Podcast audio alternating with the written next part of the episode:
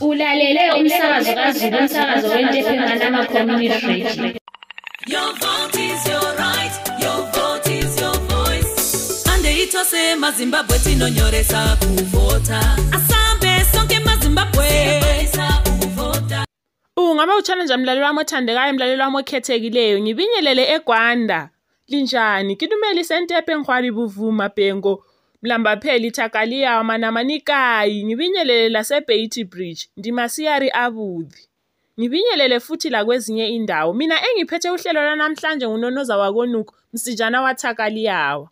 Siyakwamukela emsakazweni wentepemana ama-community radio umsakazo kazulu sithi halala thank you for choosing us. Riyalebuka ukhethile rina ngamukele izikhulumi esilazo namhlanje emsakazweni wethu ubaba uvincent ndlela owezimbabwe election support network izest ongu-chairperson we-task force khona lapha emathebheleleni south kanye lobhuti wethu uwiseman dale intsha yethu yanamhlanje oyi-representative ye-ZCC. Lokho siqhubeka ngohlelo lokubhalisa ukuvota. Namhlanje sikhuluma ngetopic ethi the importance of youth participation in voter registration and electoral processes. Lapha siyabe sikhangela ukuthi intsha yethu yanamhlanje eyiyo ezoba inkokheli yakusasa iyenza msebenzi bani ekubhaliseni ukuvota lenhlelweni zokhetho. Injongo yalolu hlelo yikucebisa lokukhuthaza uZulu ekuphathekeni enhlelweni zokubhalisa ukuvota lenhlelweni zokhetho. Laleli, ibambe khonapho ke ngithinte uNumzana Vindlela owezesni engithe ungu-chairperson we-task force asichasisele kabanzi ukuthi kahle kahle kuyini i-voter registration. Yebo, salibonani babundlela. Yebo mama kunjani? Ah sikho siyalamukela emsakazweni wentephemana ama community radio okhulumayo ngunokuphila nkala. Yebo mama ngiyabonga. Eh besifisa ukulibuza imbuzo embalwa mayelana le voters registration.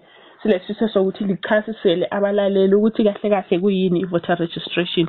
Ngiza kuqala ama questions ami. Kulungile mama. Alright. Kuyini i-voter registration? Ngiyabonga msakazi.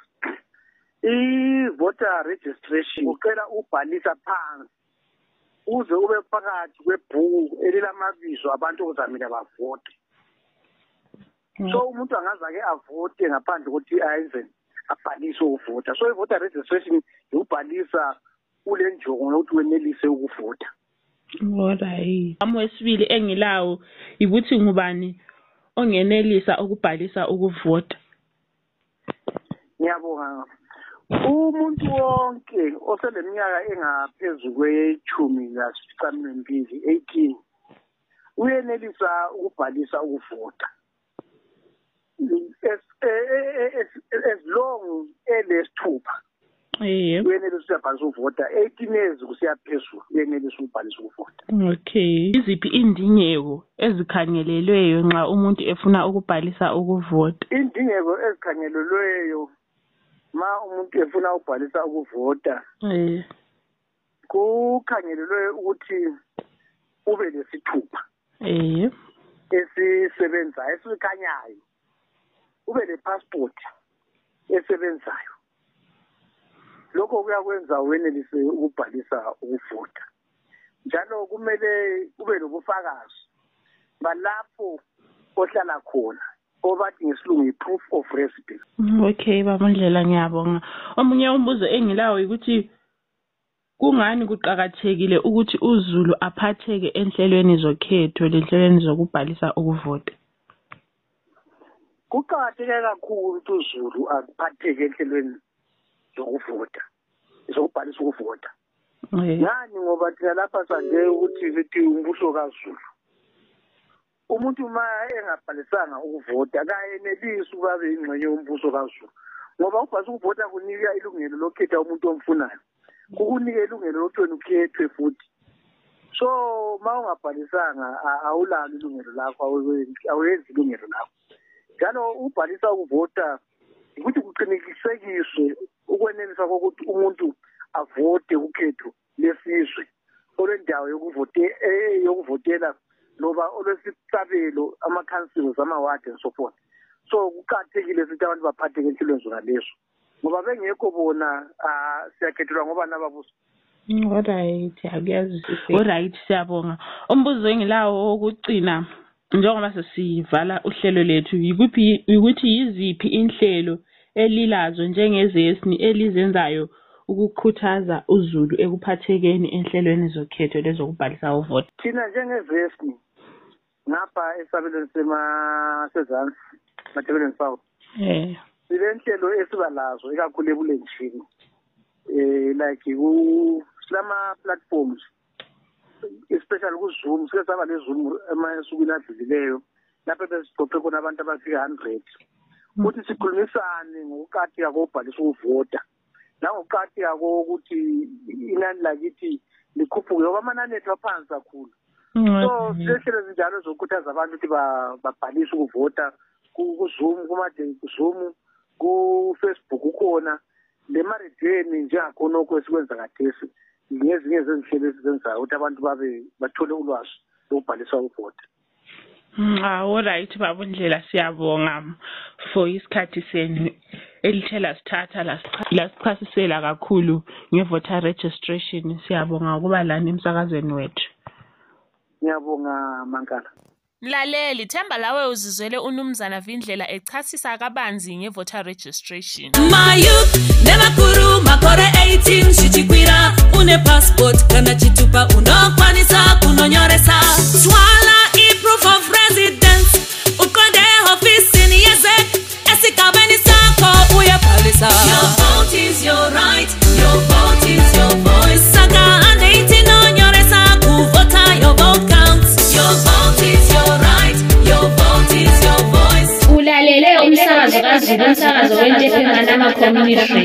Namhlanje kumsakazo wakho owuthandayo sikhuluma ngodaba lokubhalisa ukuvota. Khangelele ukuthi intsha yanamhlanje iyenza msebenzi bani ekuphathekeni enhlelweni zokhetho.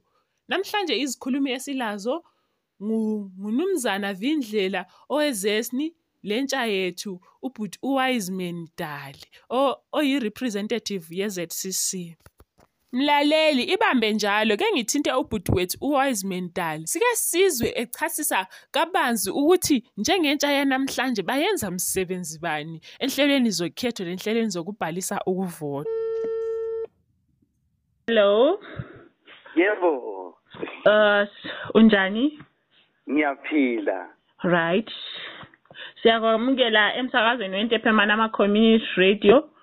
Kuhlelo lethu lanamhlanje lapho esikhuluma nge-voters registration sikhangelele ukuthi njengentsha kuyini elikwenzayo ku-voters registration mina engikhulumayo ngunokuphila nkala unonoza wakonuku Siye ngiyabonga umsakazi ngo ngokungi-invite kulelu kulolu hlelo. Eh ngithanda ukubingelela abalaleli kulolu hlelo. Mina ngirepresenta ah, ama youth eh, ehlangothini le ZCC Zimbabwe Council of Churches eMat South. Ngiyabonga. Alright siyabonga. Siyabonga ukuba lathi namhlanje emsakazweni.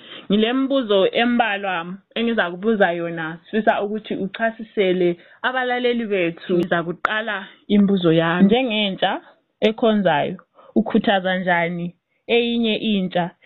Ekuphathekeni enhlelweni zokhetho Ngiyabonga msakazi ngalumbuzo. Eh kakhulu abantu bentsha ah, laba mabandla baya invitewa um kumhlangano eh ehambelana labo ZCC kulama platforms a creator yona lawa ama organization ECLF ah we ama youth kakhulu abakhonzayo labezinkolo baya invitewa ukuthi beze bezoxoxisana ngendaba ze-electoral process. And eh, ngibona kuyabe kulabantu abakhulu abalalela imicijo yethu eh beyihambisa phezulu. So yiyo indlela esiparticipate ngayo kakhulu endabeni zokuvota emabandleni. Alright buti wise siyabonga right omnye umbuzo engilawo? Iziphi inkinga elihlangana lazo njengentsha yanamuhla? Ekubhaliseni ukuvota. I know vele ama challenges akhona. So bengicela ukuthi ungichasisele kakhulu ukuthi yiwapi ama challenges angikhona elihlangana lawo njenge youth Eh okokuqala abantu abatsha asehambeli indaba zama consultations lapho okubizwa khona umbuthano eh kumbe kusesigabeni emawadini emathawuni balutshwane abantu abatsha abahambela um zena lezo izinto. And mbona kuba yi-problem khonapho ngenxa yokuthi yikho lapho okwenziwa khona izinqumo abantu behlangene. Abantu abatsha asihambeli into ezinjalo. Okwesibili abantu abatsha asila information egcweleyo ngendaba ze-electoral process. Esikukhulumayo siyabe sikucabangela and izikhathi eziningi siyabe sikhuluma sidibhetha kuma-whatsapp lama-social media okuyizinto ezingelasisindo ekwenzeni inguquko esiyifunayo ku-electoral process. Enye into ukuthi abantu abasha balutshwane abahamba besiyavota ngelanga lokuvota. Eh singakhangela ipopulation yeZimbabwe eh it's more than 60% but singakhangela ama statistics abantu abatsha abahamba besiyavota abafiki khonapho. Okokugcina ke mbone ngani yi-confidence ku-electoral system? Abantu abatsha ngani asithembi ukuthi ngingaphatheka entweni yokuvota? Yiluphi utshintsho olungayenzakala olungangincedisa kusasa yanamuhla? Ngiyamsakazi alright ngiyabonga lami. Uh omnye umbuzo engilawo owesithathu uh ngizawubala ngesikhiwa nje. Yebo.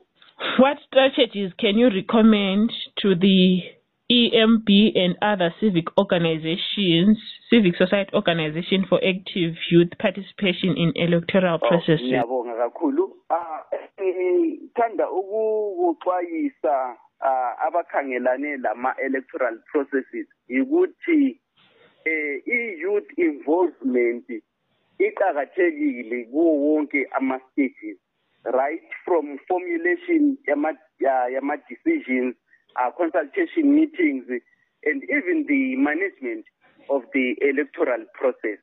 Eh ungapheleli ekuthini abantu abatsha sebevotile kuphela. Akube khona labantu abatsha abafundayo ukuthi kanti vele indaba zokuvota ziphathwa njani right from planning uh, voter uh, voter registration um uh, electoral process up to uku-announcwa eh kwama-results the other thing yikuthi eh uma agendas lapha ekungathi ngama manifesto maybe kungaba ngama political parties akube lezithembiso eziqondane ngqo lama youth whereby ama youth bakwanisa ukuzwisisa ukuthi i-election ayibuyanga ukuthi izoba ah sebenzisa nje kuphela kodwa izobanikeza ini i-development bezwisisa ama-strategies ahambelana le lama elections okunye nje okugcina eh ngibona ngani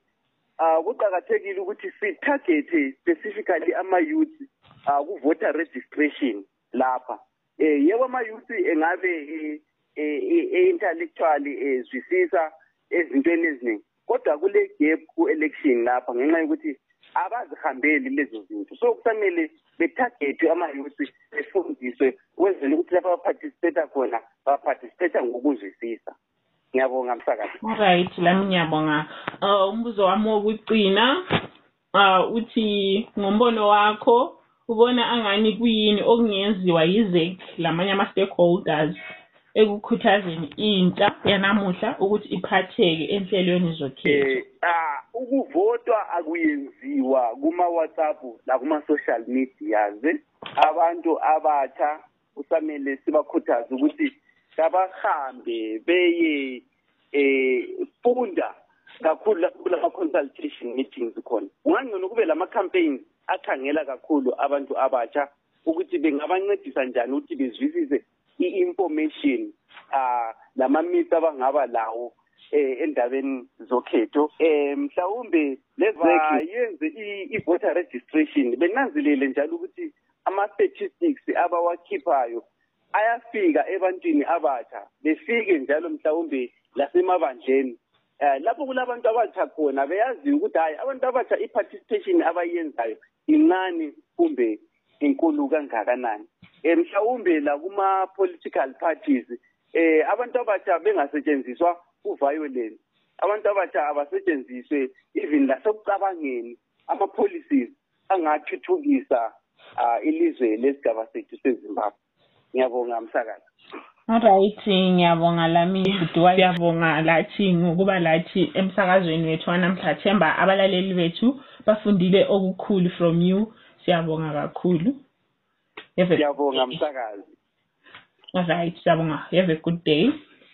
Usale kahle mlaleli, ushale habuthi, usale sinhle. Siyabonga mlaleli ngokusenza umsakazo wakho okhethekileyo. Stay tuned. Follow us on Facebook at Ntepe Manama Community Radio. Sikhona ku Twitter at Ntepe Radio. Sikhona njalo la ku WhatsApp. asambe siyabhalisa ukuvota your vote counts Your vote is your right. Your vote is your voice. Your vote counts. Visit your nearest Zimbabwe Electoral Commission district or provincial offices and register.